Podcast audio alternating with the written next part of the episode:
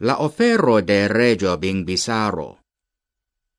De la rivero Anoma la iuna regido vagis de loco al loco sing vestinte kiel almozulon.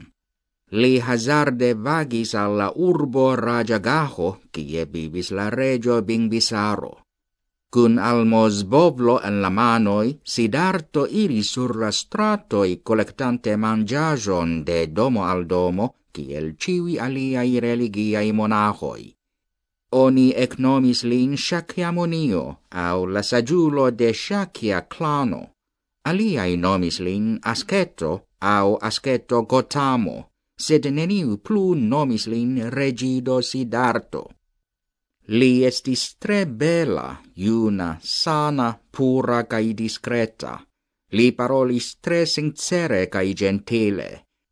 Li ne petis che oni donu ion al li, sed estis felicio cae plesuro por homoi meti iom da mangiajo en lian bovlon.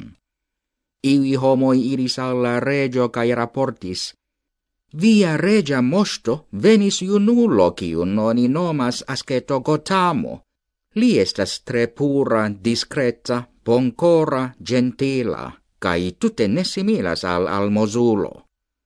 Appena o regio Bingbisaro audis la nomon Gotamo, li tui sis che tiu regido estas la filo de lia amico regio Sudodano. Li do iris al la regido cae demandis, Cial vi tiel faras? Ciu vi querelis cum via patro? Cial vi tiel vagas? restu citie, cae mi donos al vi duonon de mia regno. Grandan dankon al vi, signoro, mi amas miaen ed zinon filon, cae vin, cae ciuin homoin.